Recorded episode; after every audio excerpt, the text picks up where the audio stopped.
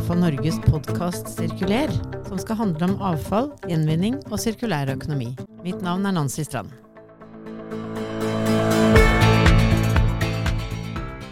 Ja, i dag er tema karbonfangst, lagring og lagring. Og da har vi fått med oss eh, to eh, spennende gjester, som er eh, Per Brevik fra Norcem og Jannike Gerne Bjerkås fra Fortum Oslo Varme. Så velkommen til dere. Takk. Tusen takk. Du, altså veldig fint. Jeg må, må høre litt uh, Jannicke, først til deg. Um, du har jobbet med, med mm, karbonfangstprosjektet til Fortum Oslo Varme en god stund nå, men hva, liksom, hva er din bakgrunn uh, før du gikk inn i dette? Uh, sånn yrkesmessig så er, har jeg bakgrunn fra Luftforsvaret bl.a., hvor jeg var yrkesoffiser i flere år. Og har også gått militær utdanning i Luftforsvaret. Eh, og så har jeg jobbet noen år i det som var Energigjenvinningsetaten i Oslo kommune. Eh, som da etter hvert ble slått sammen med Fortum, eh, eller gamle Hafslund og til Fortum Oslo Arme.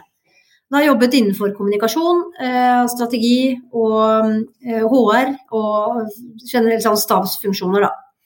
Og så begynte jeg i den jobben jeg har nå, som CCS-direktør i 2018. Ja, du har virkelig eh, vært gjennom og har, har, du, har, du, god bruk for, eh, for utdannelse og erfaring fra, fra, Forsvaret? Ja, jeg vil si at det danner jo eh, mye av plattformen i både det, både det, jeg kan og det, den personen jeg er. Det er jo en, en bakgrunn som eller, og en utdanning hvor man er opptatt av å forme forme deg som menneske like mye som å forme deg som leder. I tillegg til selvfølgelig den fagkunnskapen man får med seg fra krigsskoleutdanningen. Så jeg føler at det absolutt ehm, ja, har vært med å forme meg som den, både den personen og den lederen og den arbeidstakeren jeg er i dag, og det jeg kan. Mm. Ja, det er veldig det, det, det, er flere med deg som har den, den bakgrunnen. Fra, eller ulike typer bakgrunner fra, fra, ulike grener av Forsvaret, så det er egentlig interessant å, å se. Så hva med deg, Per? Um, du er også en som har vært med en, en god stund i, innenfor ulike områder her. Hva, hva er din bakgrunn fram til der hvor du er i dag? Altså, I utgangspunktet er jeg jo eh, siviløkonom fra Handelshøyskolen. Eh, og jeg har jobb, hatt økonomijobber. Eh, og jeg har faktisk jobba i dette systemet som jeg er en del av nå, faktisk i 32 år.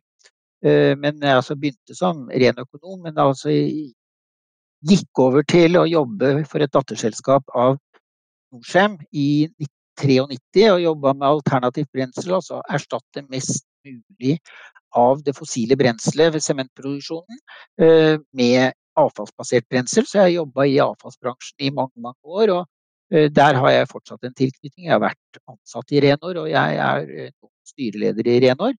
Men så ble jeg mer og mer flytta over på oppgaver knyttet mot klima, CO2 osv. Og, og da vi startet opp med prosjektet å se på muligheten for CCS med fabrikken i Brevik, så ble jeg med på det, og det har fulgt det faktisk siden vi begynte de første diskusjonene i 2004-2005. Så jeg har vært med helt fra den spede begynnelse og fram til eh, først beslutningen i eh, fjor høst, og så nå er med i teamet som prøver å gjennomføre dette store prosjektet. Mm, ja.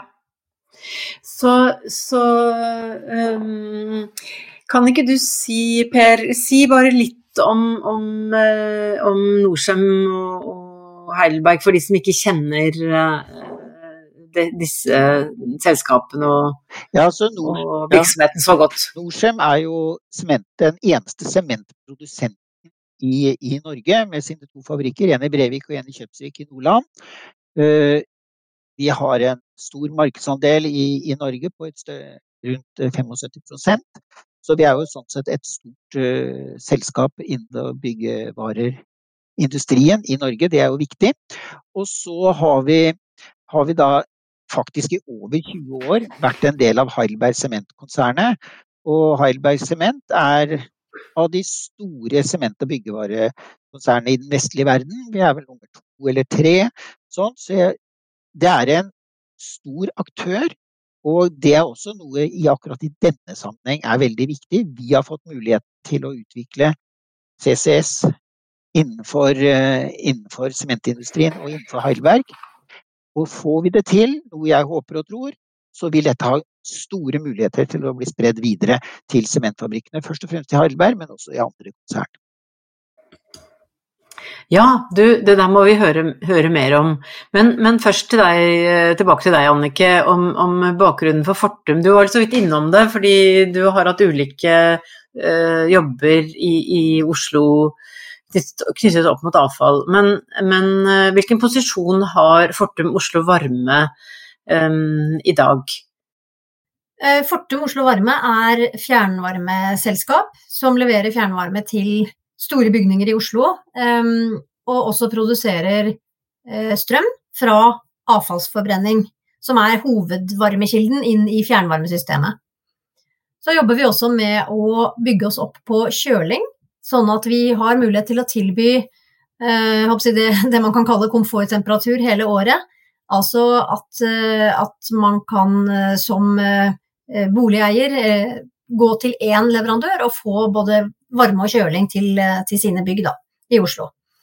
Så, og så er det jo da i tillegg dette karbonfangstprosjektet som er andre, det andre store utviklingsprosjektet som vi jobber med nå i Fortum Oslo Varme.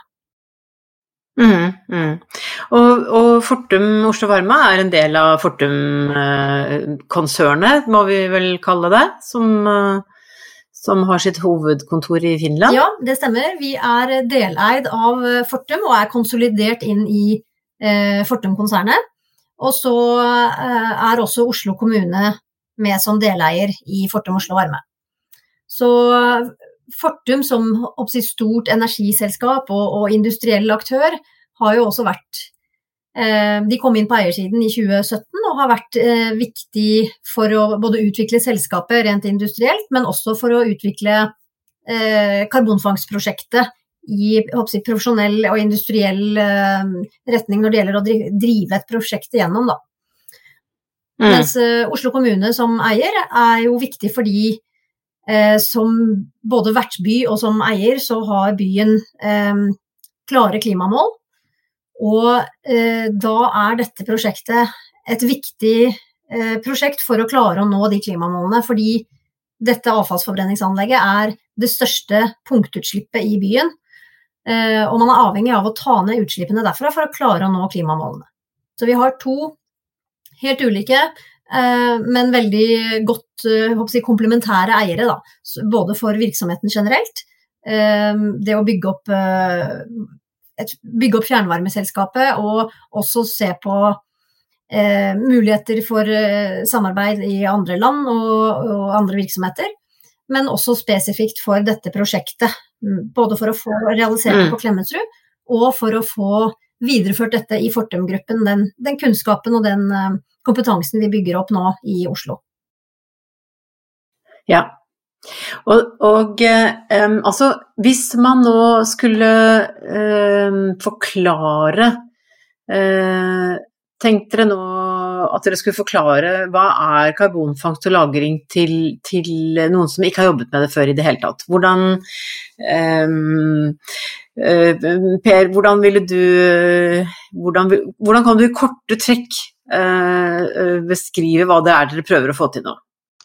Ja, det er i hvert fall ingen lett oppgave å, å forklare på et enkelt sett. Men, da, Nei, men da, er det av og til ganske bra å ha en økonom eller en ikke-tekniker til å prøve å gjøre det. For vi, har vært nødt, til å prøve å lære oss det og forstå det på en enkel måte.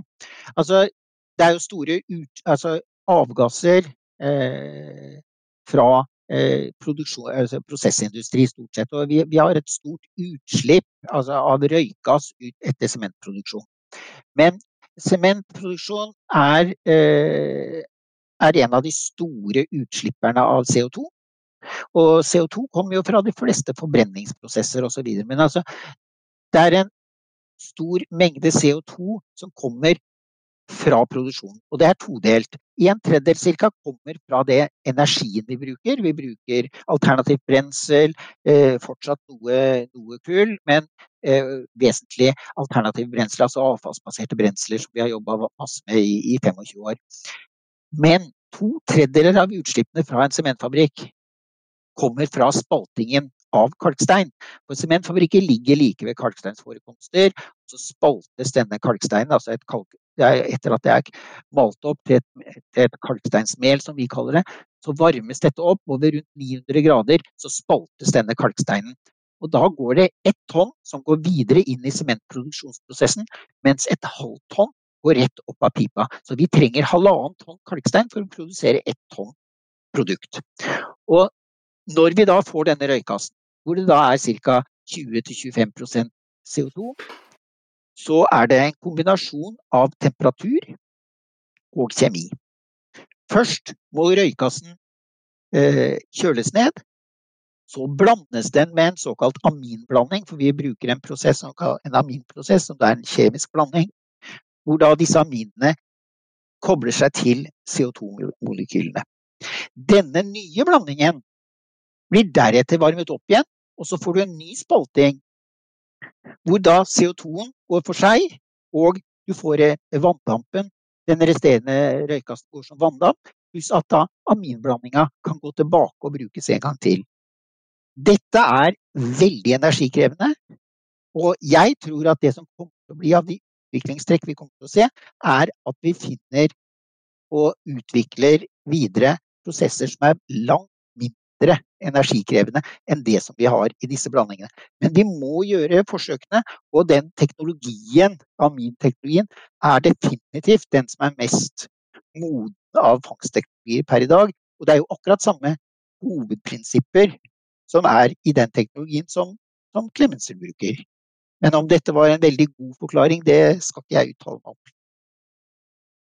Jo, vet du hva, det, det, det, nå falt det noen brikker på plass uh, hos meg i hvert fall. Så, fordi man tenker jo at uh, hvordan skal man få den CO2-en trukket ut av avgassene? Uh, og og uh, mye av forklaringen, som du sier, er jo at dette er veldig energikrevende prosesser, sånn som det, så langt teknologien er kommet i dag, i hvert fall. Da. Men hva, hva uh, Hvis du tenker ut fra Fortum, uh, Jannicke, hva, hva, er de største utfordringene Hva har vært de største utfordringene for dere i, i utviklingen av dette prosjektet? Um, ja, Det er også et, et godt spørsmål, og det, er, det har vært mange utfordringer, egentlig. Da vi startet i 2015, så var det jo ingen som snakket om karbonfangst på avfallsforbrenning. Så dette var et helt uh, nytt område. Uh, vi så det på den måten at uh, uh, fram til i dag, så det vi gjør, er jo å rense røyken veldig grundig for alt som er av skadelige komponenter for, for lokalmiljøet. Altså lokale forurensnings komponenter.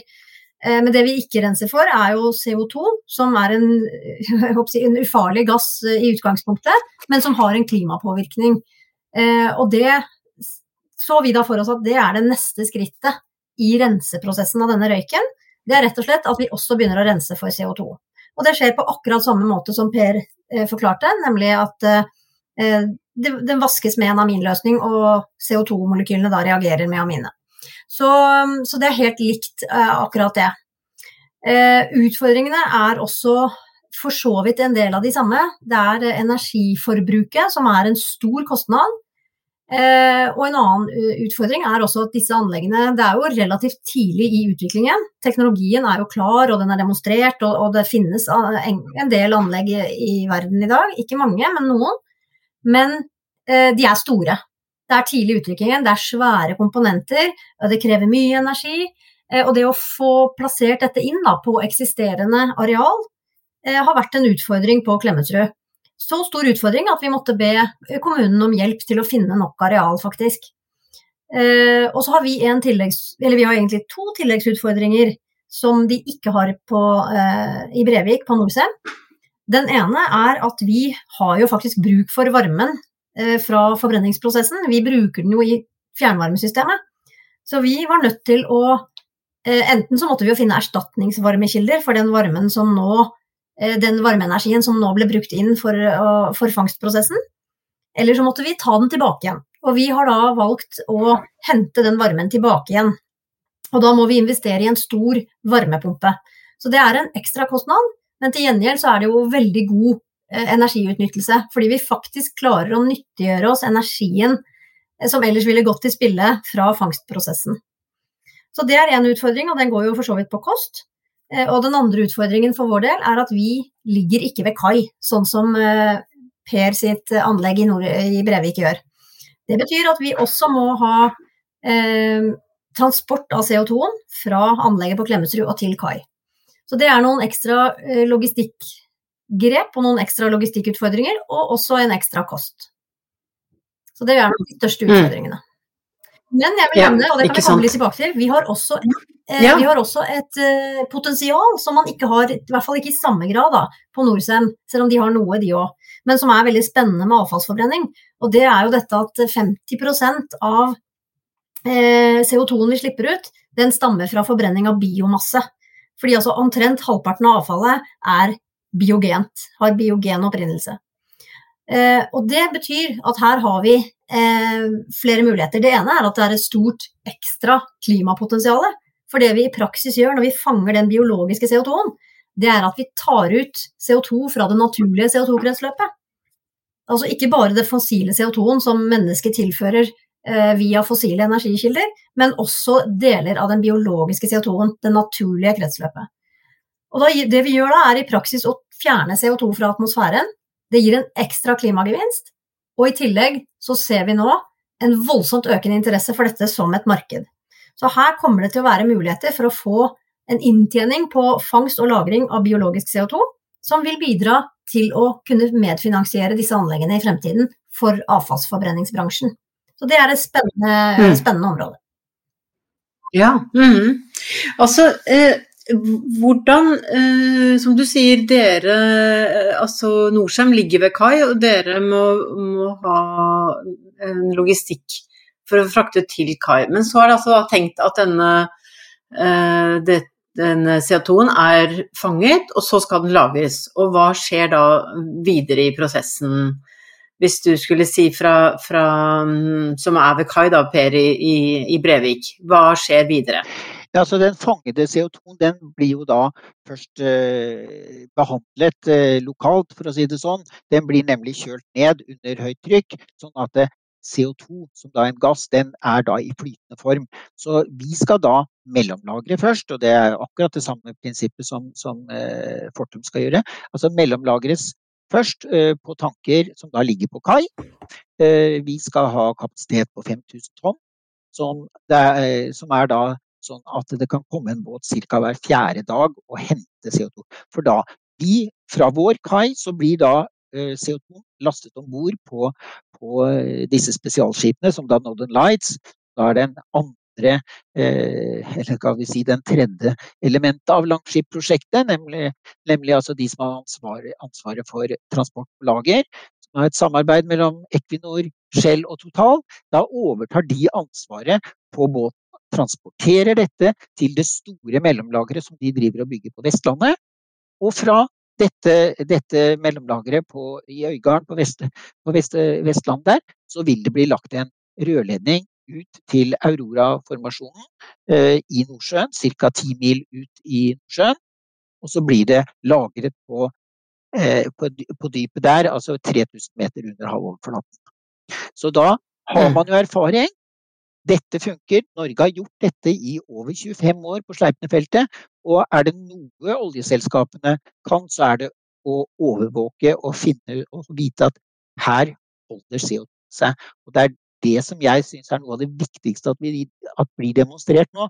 For det er lagring som Når man snakker om den store utbredelsen av CO2, og CO2-fangst og -lagring, det er knyttet til at mange er engstelige for selve lagringen.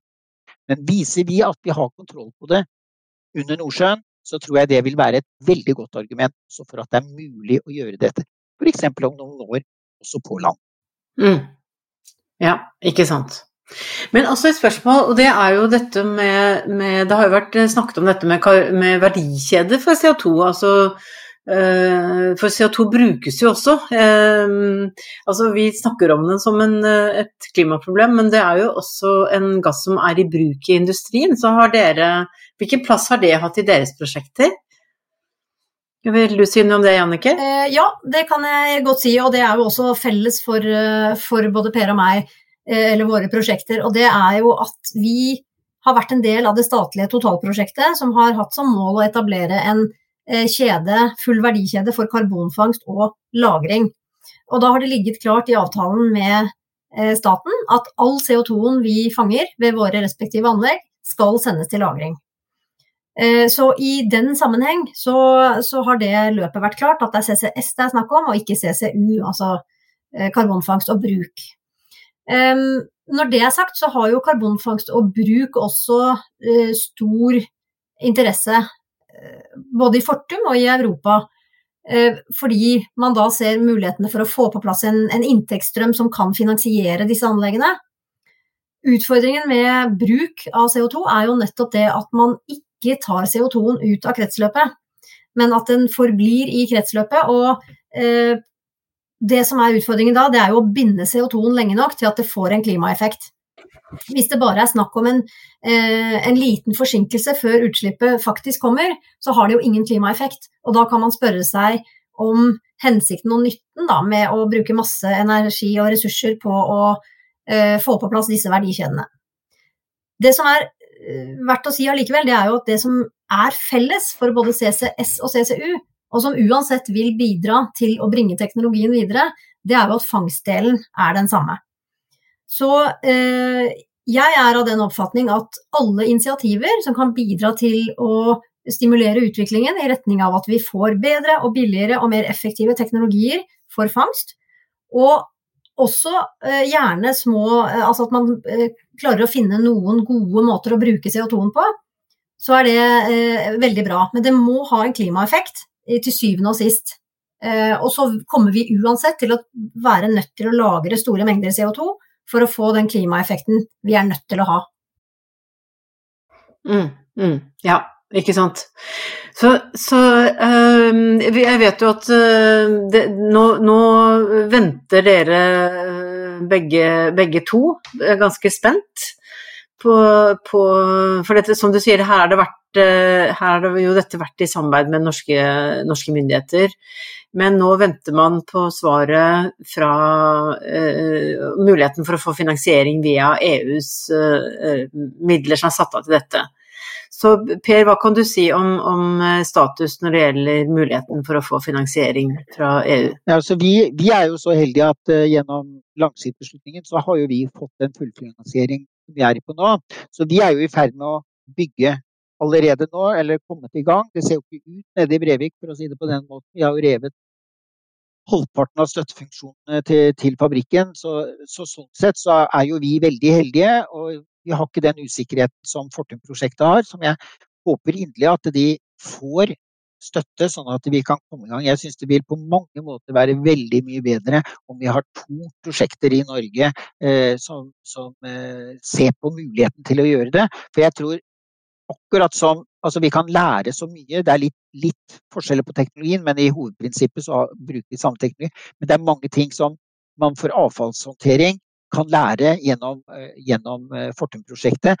Og vi kan lære ting uh, videre til våre kollegaer i, sementindustrien og annen prosessindustri. For det tror jeg er det neste viktige på, på fangstsiden. Det er at dette blir Eh, teknologi tilgjengelig og løsninger som kan benyttes av flere typer industri. Og det er akkurat det samme. Jeg tror også tilgrensende industrier for, for, for uh, avfallssiden, altså som Fortum, at de kan utnytte det. At vi får vise, for vi må vise at det funker, og vi må mm. bidra til å jobbe for at kostnadene går ned. For vi kan ikke ha så store kostnader knyttet til dette som man har på disse, disse store eh, førstegangsprosjektene. Mm, mm.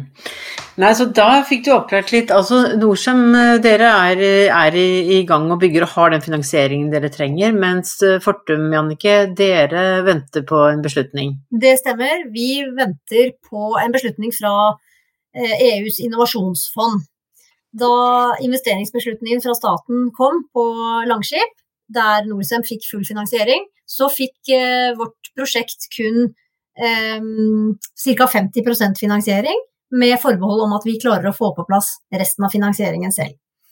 Men det at vi faktisk fikk med oss 50% finansiering var jo eh, veldig bra, og et viktig skritt for å kunne være konkurransedyktige også i Innovasjonsfondet. Så vi har lagt inn en søknad der, eh, og venter nå spent på svaret. Det kommer i november. Og det vi gjorde som et grep der, var jo fra, første, fra fase 1 til fase 2, så reduserte vi søknadsbeløpet. Sånn at vi nå eh, søker om 180 millioner euro eh, mot tidligere 290 millioner euro. Så det er jo en betydelig reduksjon, og det betyr også at det fremdeles er et eh, lite finansiering Lite, alt er relativt her. det er et finansieringsgap fremdeles, selv om vi får penger fra Innovasjonsfondet. Men det har vi stor tro på at vi skal i, i samarbeid med våre eiere og staten skal klare å få på plass raskt hvis vi får penger fra Innovasjonsfondet. Mm, mm. Men, men, hvordan er forholdet da til de andre, altså øvrige prosjekter som, som, søker om de samme midlene? Vi har vel en nabo rett sør for oss, blant annet? Ja, det stemmer. Det er hard konkurranse om de midlene i Innovasjonsfondet. Så det, det er slett ikke noe som er sikkert her.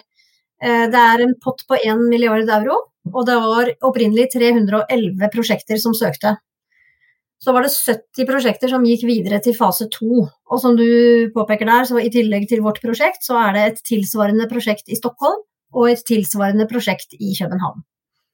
Eh, det som skiller vårt prosjekt noe fra de to andre, er jo at vi er eh, mer modne. Vi er ferdig modnet. Vi har eh, ferdigstilt alt av studier. Vi har testet med pilot. Vi har blitt kvalitetssikret eksternt. Og vi har også fått med oss en statlig tilsagn om finansiering, i tillegg til at transport- og lagrekjeden er ferdigfinansiert og er i ferd med å bli realisert. Så vi håper jo at det at vi faktisk er klare til å starte umiddelbart, vil eh, tale til vår fordel og vil vippe avgjørelsen i vår favør. Mm, ja. Um, men, men, eh, forstår jeg det dit hen at dere gir ikke Det er ikke sånn at det er kroken på døra hvis dere får, får nei nå? Vil det være flere muligheter? Jeg skal vel ikke legge skjul på at det vil være et alvorlig tilbakeslag. Um, vi, uh, for, nettopp fordi vi er ferdig modnet, så er det kritisk at vi nå får finansieringen på plass og kommer i gang. For, for det går på et eller annet tidspunkt så går det en grense for hvor lenge et ferdig eh, gryteklart prosjekt kan på en måte vente da, før det, før det blir eh, utdatert, egentlig, og før man må begynne litt på nytt igjen.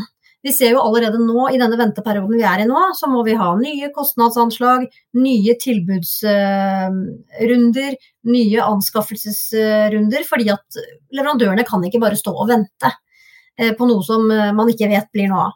Og Det er en stor utfordring, og den vil bli veldig mye større hvis vi nå eh, ikke får på plass finansieringen i denne runden heller. Mm, ja. Men um, Per, for, i deres prosjekt, hva, hva er framdriftsplanen videre? Ja, altså vi har starta altså Beslutningen var jo i Stortinget i fjor i desember, så vi startet for fullt i januar. Vi har revet utrolig mye av eh, fabrikkens område, alle støttefunksjonene til selve fabrikken. Og det er det som skal skje også ut dette året, fordi vi har vært med å flytte ting. Vi har bygd masse nye ting som vi flytter elektrorom osv. til, fordi at vi må ha plass. Og på samme måte som Jannicke nevnte tidligere, det er ikke overskudd av plass på, en, på, den fabrikken. Så her må det bygges og flyttes osv. Men fra høst, senhøstes 22 og begynnelsen av 23 så vil vi begynne å bygge opp igjen den nye fabrikken. Og det er jo dette som blir spennende. Så vi har en framdriftsplan som sier at den første båten skal komme 1.7.2024. Og selv om vi i hvert fall da vi planla dette her, så var det langt opp og fram det er ikke langt opp og fram med den farta som klokka har nå. Så det er veldig spennende, og det skjer noe hele tiden. Og det er en veldig hektisk hverdag. Så vi, hvis vi trodde at det var mye som skjedde mens vi drev med utredningene, så er det ingenting mot det som kommer etterpå. Nei, ikke sant. Men hva, hva tror du kan bli liksom de, de, de, største utfordringene for dere nå fram til, til at man kan trykke på knappen? Ja, altså Ja. Selvsagt er det om det oppstår eh, kostnadsøkninger fordi det kan være ting man har oversett eller eh, vurdert eh, annerledes enn sånn det ble i virkeligheten. Altså sånn, Fabrikken i Brevik er jo over 100 år. Altså, du, du graver i grunnen og så Oi, dette visste vi ikke at her lå det sånn og sånn, så da kan du få økte volumer på forurensede masser, og ting tar tid osv. Vi, river, vi river en gammel gammel sementovn. Der fant vi masse asbest som vi ikke visste om så, så det er litt sånne overraskelser, men eh, framdriftsmessig så har vi klart å holde oss, og vi har kommet godt gjennom covid-biten. Eh, det går bra. Så altså, klarer vi å holde kostnadene i sjakk, det er eh, den ene store utfordringa. Den andre kommer når vi skal integrere eh, karbonfangstfabrikken i sementfabrikken. Å få de to tingene til å fungere og, og, og ikke ødelegge for hverandre. Og vi mener vi har for, lagt forholdene til rette for det, men det, det blir den store utfordringen. Så som vi sier, klarer fabrikken å produsere sine 1,3 millioner sement per år, samtidig som det bygges en ny fabrikk, da har de gjort en fantastisk prestasjon hvis vi kommer dit. Ja, det er uh, avansert uh, industriell utvikling, dette her. Er, um, hva, hva Nancy, jeg har lyst til å liksom, kommentere akkurat på det du sier der nå. Uh, det er for lov? Ja. ja. For lyst, nettopp som du sier, det er avansert teknologisk utvikling, og det er litt i, jeg, litt i Eller det har vært uh, fram til nå veldig mye i motbakke også. Uh, og der har jeg lyst til å skryte litt av Per, som har jobba med dette her på Norcem. Jeg mener du har sagt siden 2005, Per, stemmer ikke det? Det stemmer det. Og nå, nå, er det altså der at dette skal realiseres, det er i ferd med å realiseres. Det blir det første landbaserte karbonfangst, fullskala karbonfangstanlegget i Norge og i Skandinavia. Så dette er jo en stor begivenhet som er veldig morsomt for, for alle som jobber med, med, CCS og med klimateknologi. Mm. Ja, veldig fint at du, at du hang deg på det, Jannike. Fordi det er Det er, det er, det er, det er lett eh, nesten å og Vi snakker mye om, om, om karbonfangst, men det blir det, skal jo faktisk bygges. Altså, eh, og det skal, skal fungere, og det som det skal fungere sammen med den industrien som er der allerede. Så, så, det er klart, Jannicke, som, som, du var inne på, for, for dere nå så, så, sitter dere litt nå litt sånn og, og, og stamper med foten og, og venter på, en, på en, en, beslutning om videre, videre finansiering. Men hvordan Eh, sånn avslutningsvis til dere begge, altså hvordan kan dette nå mm, også danne grunnlaget for en, en, eh, en, eh, en industriell satsing? Da? Du var så vidt inne på det i stad, Per, at uh, dette har jo et potensial. Um, hvordan tenker dere rundt det? Vi må begynne med deg, Per, siden du var inne på det i stad. Altså at dette kan dette er nå et pilotanlegg som kan få en veldig stor betydning i hele konsernet og i andre deler av, av eh, industrien globalt? Ja, altså eh, det Altså statsministeren, den snart avgående statsministeren, spurte Jeg vet ikke hvor, i hvert fall fire ganger har hun spurt meg direkte blir Brevik det første og siste CCS-anlegget. Og vi har sagt nei, det tror vi ikke, det håper vi ikke osv. Men da de var på besøk i oktober i fjor, eh, da var innstillingen gitt fra, fra regjeringen, og det var, var, i behandling i Stortinget. Da vi, fikk vi tillatelsen fra Heidelberg til å fortelle om alle prosjektene våre. Og Heidelberg har pågående faktisk åtte CCS-prosjekter. Alt fra skrivebordsstudier eh, til eh, noen som er kommet og gjort testing, og, og, helt opp til vårt prosjekt, som er det første innen konsernet. Men det har hatt veldig stor betydning for satsinga eh, i Heidelberg på dette med CCS. Og vi har jo nå annonsert at eh, den neste store fabrikken som vi satser på å bygge et CCS-anlegg på, det er eh, fabrikken på Gotland, altså Slitefabrikken på Gotland. Den er dobbelt så stor som fabrikken i Brevik. Det er et fantastisk prosjekt hvis vi kunne komme dit, men der er vi kommet godt i gang med en tidsstudie for rett og slett å finne ut hva må til, og vi prøver å lære så mye vi kan fra Brevik-prosjektet. Og da har vi liksom dekket inn mot sement. Jeg håper, som jeg sa så vidt i stad òg, jeg håper vi også kommer til å se ting innen andre industrigrener. Eh, for det er mange sement, industribedrifter som har ovner osv. Altså med andre ord som har en avgass hvor det er mye CO2, hvor det bør være store muligheter til å kunne installere og utvikle CCS for dem. Mm. Mm.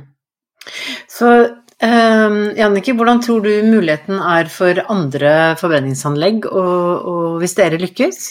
Jo, jeg, eh, til statsministerens spørsmål så kan jeg si at jeg er helt sikker på at dette ikke blir eh, det første og det siste, eller det første, det andre og det siste. Eh, for jeg er sikker på at vi kommer til å bli realisert også. Eh, og det har altså vært en så vanvittig utvikling på dette området de siste, spesielt kanskje de siste tre årene. Eh, fra, som jeg nevnte, at vi startet opp i 2015 hvor eh, vi både ble sett på noe som litt irriterende og litt uh, morsomme, uh, men at det liksom ikke var noe realisme over det. Til vi ser dagens status hvor alle de store anleggene i Norge enten har gjennomført eller holder på med et CCS eller et CCU-prosjekt. Vi ser de, alle de store hovedstadsanleggene i Skandinavia har modnet fram prosjekter som er såpass modne at de har søkt Innovasjonsfondet. Og vi ser at det sprer seg videre nedover i Europa. Sveits har eh, satt eh, mål om at eh, de skal ha karbonfangst og -lagring på alle sine energigjenvinningsanlegg. Jeg tror det var innen I hvert fall har begynt da den, den prosessen innen 2030. Så det skjer masse her. Nederland er i gang, Tyskland er i gang, ikke minst Storbritannia.